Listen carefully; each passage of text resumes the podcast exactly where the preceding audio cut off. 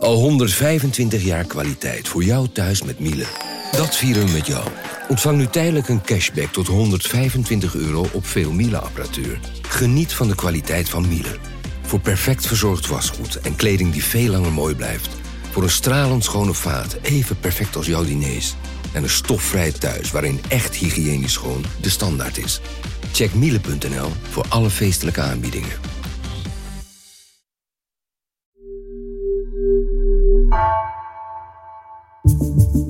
Vanaf de redactie van NRC het verhaal van vandaag. Mijn naam is Egbert Kalsen.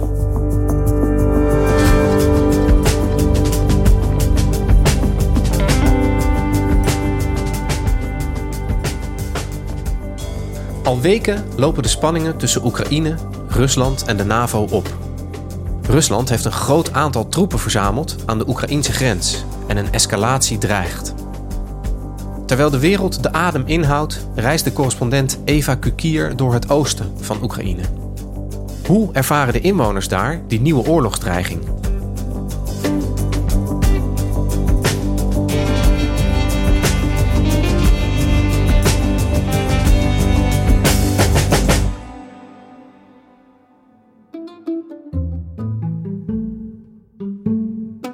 Ongeveer anderhalve week geleden reed ik vanuit de Oekraïense hoofdstad Kiev 500 kilometer naar het oosten, naar de stad Kharkiv. Dat is de tweede stad van Oekraïne, op 30 kilometer van de Russische grens.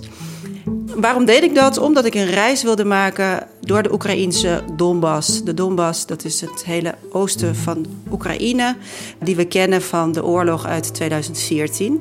Dus ik reed van het noorden, zeg maar, naar, helemaal naar het zuiden. Dat is van de stad Kharkiv naar de kust, Mariupol. En dat is een tocht van ongeveer ja, wel 1000 tot 1500 kilometer per auto. en Eva, daar uh, aan de andere kant van de grens, daar zijn die, die Russische troepen gelegerd. Waarom wilde je precies daar naartoe? Wat ging je daar precies doen?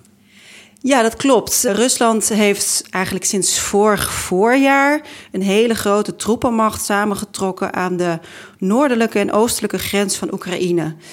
Dat waren er 100.000 vorig jaar. En daar zijn eigenlijk sinds eind november, begin december, zo'n 20.000 tot 30.000 troepenmanschappen bijgekomen. Een deel daarvan is ook naar Wit-Rusland gegaan. En ja, je kunt je wel voorstellen dat dat uh, tot uh, behoorlijke onrust heeft geleid, zowel in Oekraïne als in het Westen. Daarbovenop kwam dat in december Rusland eigenlijk vrij onverwacht zomaar een aantal best wel harde eisen op tafel legde. Die erop neerkomen dat de NAVO van Rusland niet mag uitbreiden naar het oosten. En dat de NAVO garanties geeft dat Oekraïne een bufferstaat blijft hè, tussen die twee grootmachten. En dat Oekraïne nooit lid zal worden van de NAVO. En deze situatie heeft ertoe geleid dat er in het Westen, uh, in Oekraïne zelf natuurlijk, maar ook in Rusland, grote angst is dat Poetin een nieuwe oorlog zou willen beginnen tegen Oekraïne. Mogelijk delen van Oekraïne zou willen innemen. En dat het conflict wat nu al acht jaar daar uh, heerst, dat dat weer opnieuw zal opleiden. En uh, ja, nu met de nieuwe oorlogsdreiging hè, die in de lucht hangt, wilde ik heel graag horen hoe de mensen daar kijken naar de internationale paniek, naar de spanning van een mogelijke nieuwe Russische inval, uh, een opleving van het conflict. En ja, ik vind het mijn journalistieke taak als correspondent hè, om naar dat gebied toe te gaan en met de mensen daar te praten over hoe zij deze situatie ervaren. Ja, Eva, jij trok dus door dat gebied en uh, daar is ook fel gevochten, de frontlinie. Ik kan me voorstellen dat het daar ook nu nog niet altijd even veilig is. Ja, dat klopt. En uh, sinds 2014 is het eigenlijk in dat hele gebied nooit rustig geworden. Je moet je voorstellen, er loopt een soort frontlinie dwars door het oosten van Oekraïne. Uh, dat is een grijs gebied waar aan de ene kant Oekraïense militairen staan in, uh, en in loopgraven liggen. En aan de andere kant pro-Russische separatisten gesteund door het Russische leger met de nodige Russische sluipschutters ook. Die regio is volledig gemilitariseerd. Dus als je daar doorheen reist, dan zie je A, heel veel soldaten op de weg uh, die van A naar B reizen in vrachtwagens, et cetera. Je ziet kolonnes, militair materieel, uh, panzervoertuigen, tanks. Heel veel militaire checkpoints. En op sommige plekken wordt ook nog steeds uh, geschoten en vallen slachtoffers.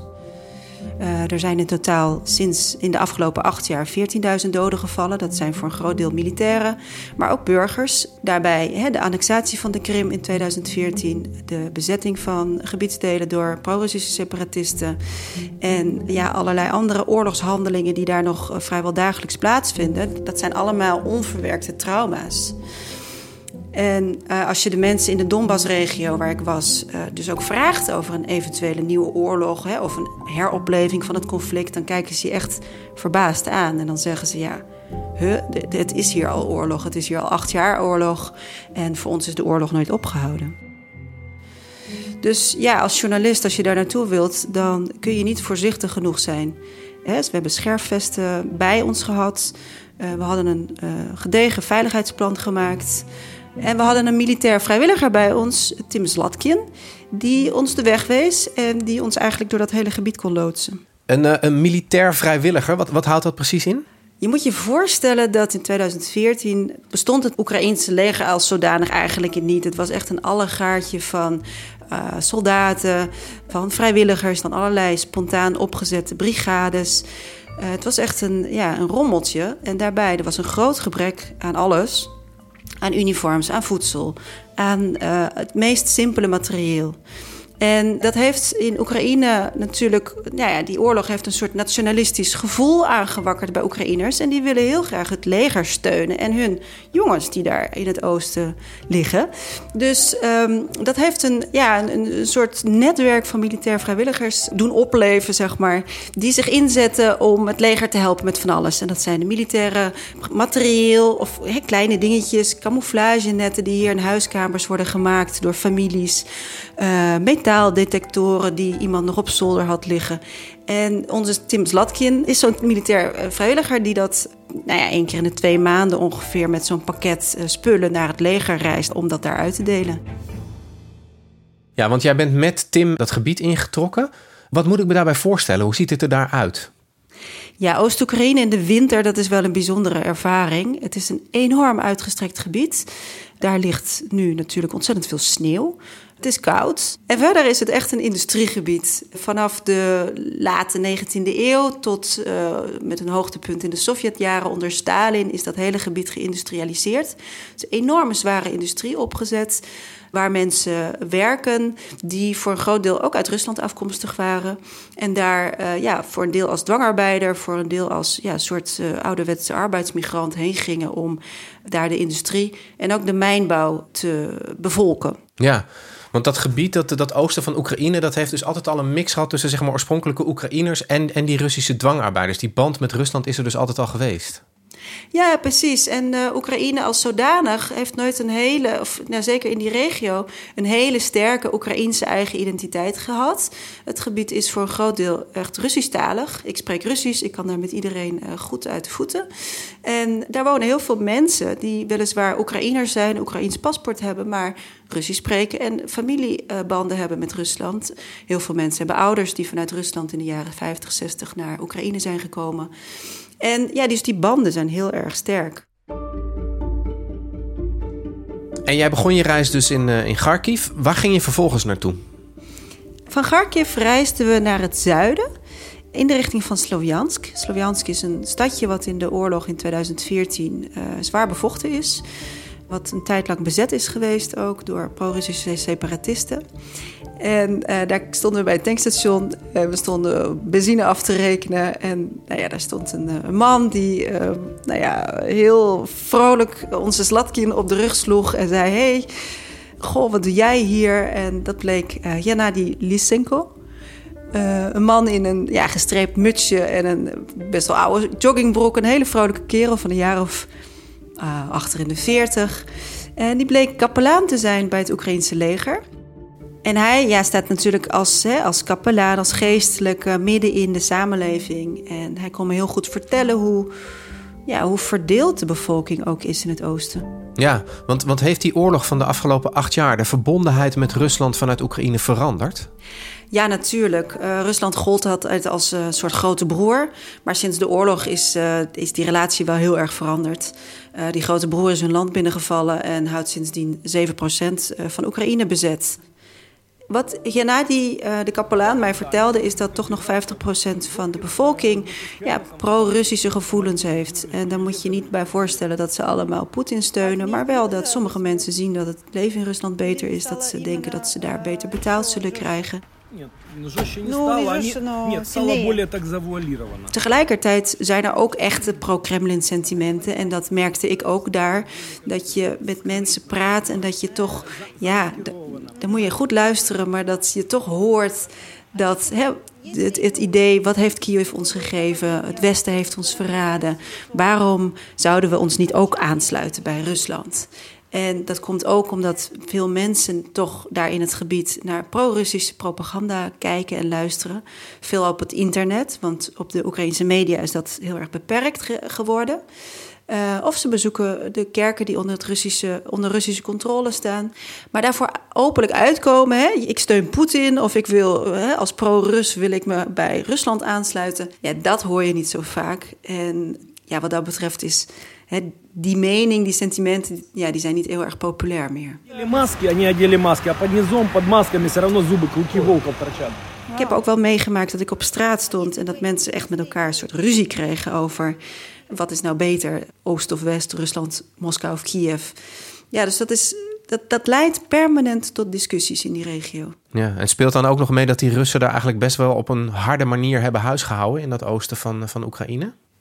Ja, absoluut. Hè. Mensen hebben echt ontzettend veel meegemaakt. Uh, toen de Russische, pro-Russische separatisten met hulp van de Russische soldaten daar binnentrokken, zijn er echt uh, verschrikkelijke dingen gebeurd. Mensen zijn opgepakt, gegijzeld, in kelders opgesloten, gemarteld. Uh, er zijn executies geweest. er zijn granaatinslagen geweest. Steden zijn onder vuur genomen. Dus er is er echt verschrikkelijk veel gebeurd. En dat heeft mensen natuurlijk uh, ja, totaal getekend. En daarbij die trauma's, die zijn nooit verwerkt. Want mensen leven nog steeds in een totale, ja, uh, gespleten werkelijkheid. Er zitten dus heel veel uh, onderhuidse spanningen, zou je kunnen zeggen, in het oosten van Oekraïne. Maar, maar niet alleen onderhuids, want er zijn ook gebieden waar jij doorheen gereisd bent, waar de oorlog letterlijk nog gaande is. Ja, want officieel heerst er een staakt het vuren, dat is afgesproken. Maar er zijn heel veel schendingen en er wordt nog steeds, ja, toch regelmatig wordt daar artillerievuur uitgewisseld. Komen er mortiergranaten eh, van de Russische kant over. En ja, zijn er ook sluipschutters actief die daar gericht op Oekraïnse militairen schieten. En dat, ja, dat gebeurt daar vrij regelmatig. Ik hoor ook verhalen dat dat eh, meer gebeurt sinds de spanningen oplopen. Een van de plekken waar ik dit zag gebeuren is Zolote. Dat is een klein dorpje aan de frontlinie eigenlijk met Luhansk. Daar ligt het enige checkpoint wat officieel nog open is. Uh, er zijn er twee, eentje in Luhansk en eentje in Donetsk. En um, daar in Zolote uh, ligt, um, ja, ligt het leger eigenlijk om de hoek. А сколько ехать? Мы уже на месте почти, еще чуть-чуть. en ik ontmoette daar een vrouw, Marina, die net als Tim Zlatkin vrijwilliger is voor het leger. En zij heeft de afgelopen jaren ja, haar achtertuin letterlijk zien veranderen in een, in een warzone, in een oorlogszone. En uh, zij vertelde me daar ook over dat ze eigenlijk dag en nacht vuur hoort, uitwisseling van artillerievuur en dat heel erg van dichtbij meemaakt. А ночью тут слышно какие-то или днем? Постоянно слышно. Днем тоже? И днем, возможно, и вы услышите. En het front ligt echt op anderhalve kilometer van haar huis. En daar begint een grijze zone waar eigenlijk niemand controle over heeft. Dus ja, ga maar na wat voor impact dat heeft op je, op je leven. Ja, is, is zij bang? Ze zei me dat ze is opgehouden om bang te zijn. Dat ze alles al heeft meegemaakt. Uh, dat ze weet hoe het is om beschoten te worden. Dat ze in 2014, toen hè, de gevechten daar uitbraken, dat ze zelf ook onder vuur is genomen. Dat ze nauwelijks nog eten hadden. Dat de soldaten hun rantsoen met haar deelden. En ja, ze zei me: Ik weet al hoe het is om beschoten te worden. Ik ben nergens bang meer voor. En het enige wat zij wilde, en die standvastigheid en die strijdlust zag ik bij heel veel Oekraïners in dat gebied, is de Russen wegjagen, het gebied terugnemen wat van hè, Oekraïne is. En ja, echt heel patriotische, nou ja, patriotische, nationalistische uh, sentiment. Wat ook heel begrijpelijk is natuurlijk als je ziet wat daar gebeurd is. Ik vind het wel bijzonder dat al die mensen die je daar hebt gesproken... er, er toch relatief kalm onder blijven... terwijl wij hier in het Westen helemaal eh, op hol lijken te slaan... eh, over de, de dreiging van Poetin. Kijken zij er nuchterder naar dan wij? Of zijn ze mur gebeukt door die oorlog die al acht jaar duurt? Hoe, hoe zit dat? Ja, het is van alles een beetje. Enerzijds zijn ze murgebeukt door het feit dat ze al acht jaar in totale onzekerheid leven over hun toekomst. En ja, weet je, deze mensen hebben natuurlijk alles al meegemaakt. En blijven nu kalmer onder de situatie dan iemand die heel ver van het conflict staat. En dat is ook wat je ziet. Er heerst nu veel meer paniek bij de mensen die het verst van het conflict afzitten. Dus hè, mensen, politiek leiders in Europa, in Amerika, eh, ook ver in Rusland. Uh, de westerse berichtgeving staat er vol mee. En um, ja, dat is voor de burgers eigenlijk ook heel verontrustend omdat ze denken van ja, die paniek, daar, daar hebben we niks aan. En dat kan misschien wel leiden juist tot een escalatie. Hè? De vonk die, die, die het conflict weer doet ontbranden, dat is natuurlijk heel dichtbij. En dat is ook wat Zelensky, de president van Oekraïne, ziet. Want enerzijds probeert hij zijn westerse bondgenoten natuurlijk uh, aan zich te binden en te zeggen: Ik heb die wapens nodig en jullie moeten ons helpen tegen de Russische dreiging, want die is heel erg reëel. Tegelijkertijd heeft hij de afgelopen weken is hij ook begonnen ja, zijn westerse bondgenoten een beetje tot bedaren te brengen. Нам не потрібна ця паніка. І це дуже важливий момент. Я не говорю, що не може бути ескалації. En wat ik hoorde van mensen is dat ze voor een groot deel ook opgehouden zijn om het nieuws te volgen. dat leidt alleen maar tot stress en je kunt er eigenlijk heel weinig mee. Maar die zorgen zijn wel degelijk heel erg groot. Dus het feit dat mensen kalm zijn, dat betekent niet dat mensen niet heel erg bang zijn dat er weer een escalatie komt en dat ze weer zullen meemaken wat ze in 2014 hebben meegemaakt. Bovendien heeft het ook niet zo heel veel zin om in paniek te raken. Hè? Om, om je tassen te willen pakken en over hals over kop weg te gaan. Want je kunt nergens naartoe. Ga maar na. Je hebt je huis, je hebt je achtertuintje, uh, je hebt een pensioentje van soms maar 200 euro per maand. Wat je hè, met je werk in de mijn of in de fabriek bij elkaar hebt gesprokkeld. En ja, waar ga je dan naartoe? Sommige mensen hebben familie in het westen van Oekraïne en hè, proberen elders natuurlijk een nieuw bestaan op te bouwen. Maar de meeste mensen kunnen niet weg en willen niet weg. En hebben zij dan een specifieke verwachting van hun eigen regering en van het westen van Europa? Wat, wat hopen zij dat wij zeg maar gaan doen? Iemand als Marina die zegt dan: hè, had het westen maar gereageerd toen als het nu doet, zo fel en vastberaden, dan waren we niet geweest waar we nu waren ja, wat mensen verwachten. Er zijn natuurlijk veel mensen die hopen dat het Westen ze steunt, dat er wapens worden geleverd, uh, omdat het Oekraïense leger ja, zich toch moet wapenen tegen een mogelijke Russische aanval. En ja, laten we wel wezen, Rusland gaat natuurlijk niet weg. Ik bedoel, het ligt daar en ze zullen voor altijd ja, in deze, in deze burensituatie zitten. Ja. Uh, en, en Poetin, wat gaat hij doen, denk je? Ja, weet je, als we iets niet weten, dan is het wat Poetin gaat doen. Misschien weet Poetin het zelf ook nog niet. Dus iedereen die beweert te kunnen voorspellen wat Poetins volgende stappen gaan zijn, ja, die uh, heeft wel een hele grote glazen bol. Dus ook voor Slatkin en Marina en alle anderen die jij daar sprak in, uh, in Oost-Oekraïne. Voor hem betekent het ook dat, dat de onzekerheid in ieder geval nog wel een tijdje zal blijven, denk ik. Ja, absoluut. En uh, de zorgen ook. En het feit dat ze nog steeds niet echt hè, een toekomst kunnen opbouwen, dat maakt dat deze regio nog voor heel lang verdeeld en gebroken zal blijven. Ja. Eva, dankjewel. Dankjewel, Egbert. Je luisterde naar vandaag, een podcast van NRC. Eén verhaal, elke dag. Deze aflevering werd gemaakt door Allegria Ioannidis en Bas van Winnen.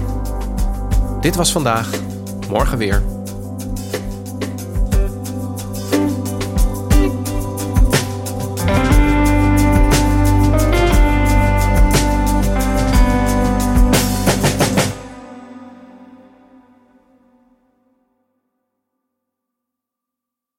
Technologie lijkt tegenwoordig het antwoord op iedere uitdaging. Bij PwC zien we dit anders. Als we de potentie van technologie willen benutten, kunnen we niet zonder een menselijk perspectief. Human-led, tech-powered noemen we dat. Ga naar pwc.nl.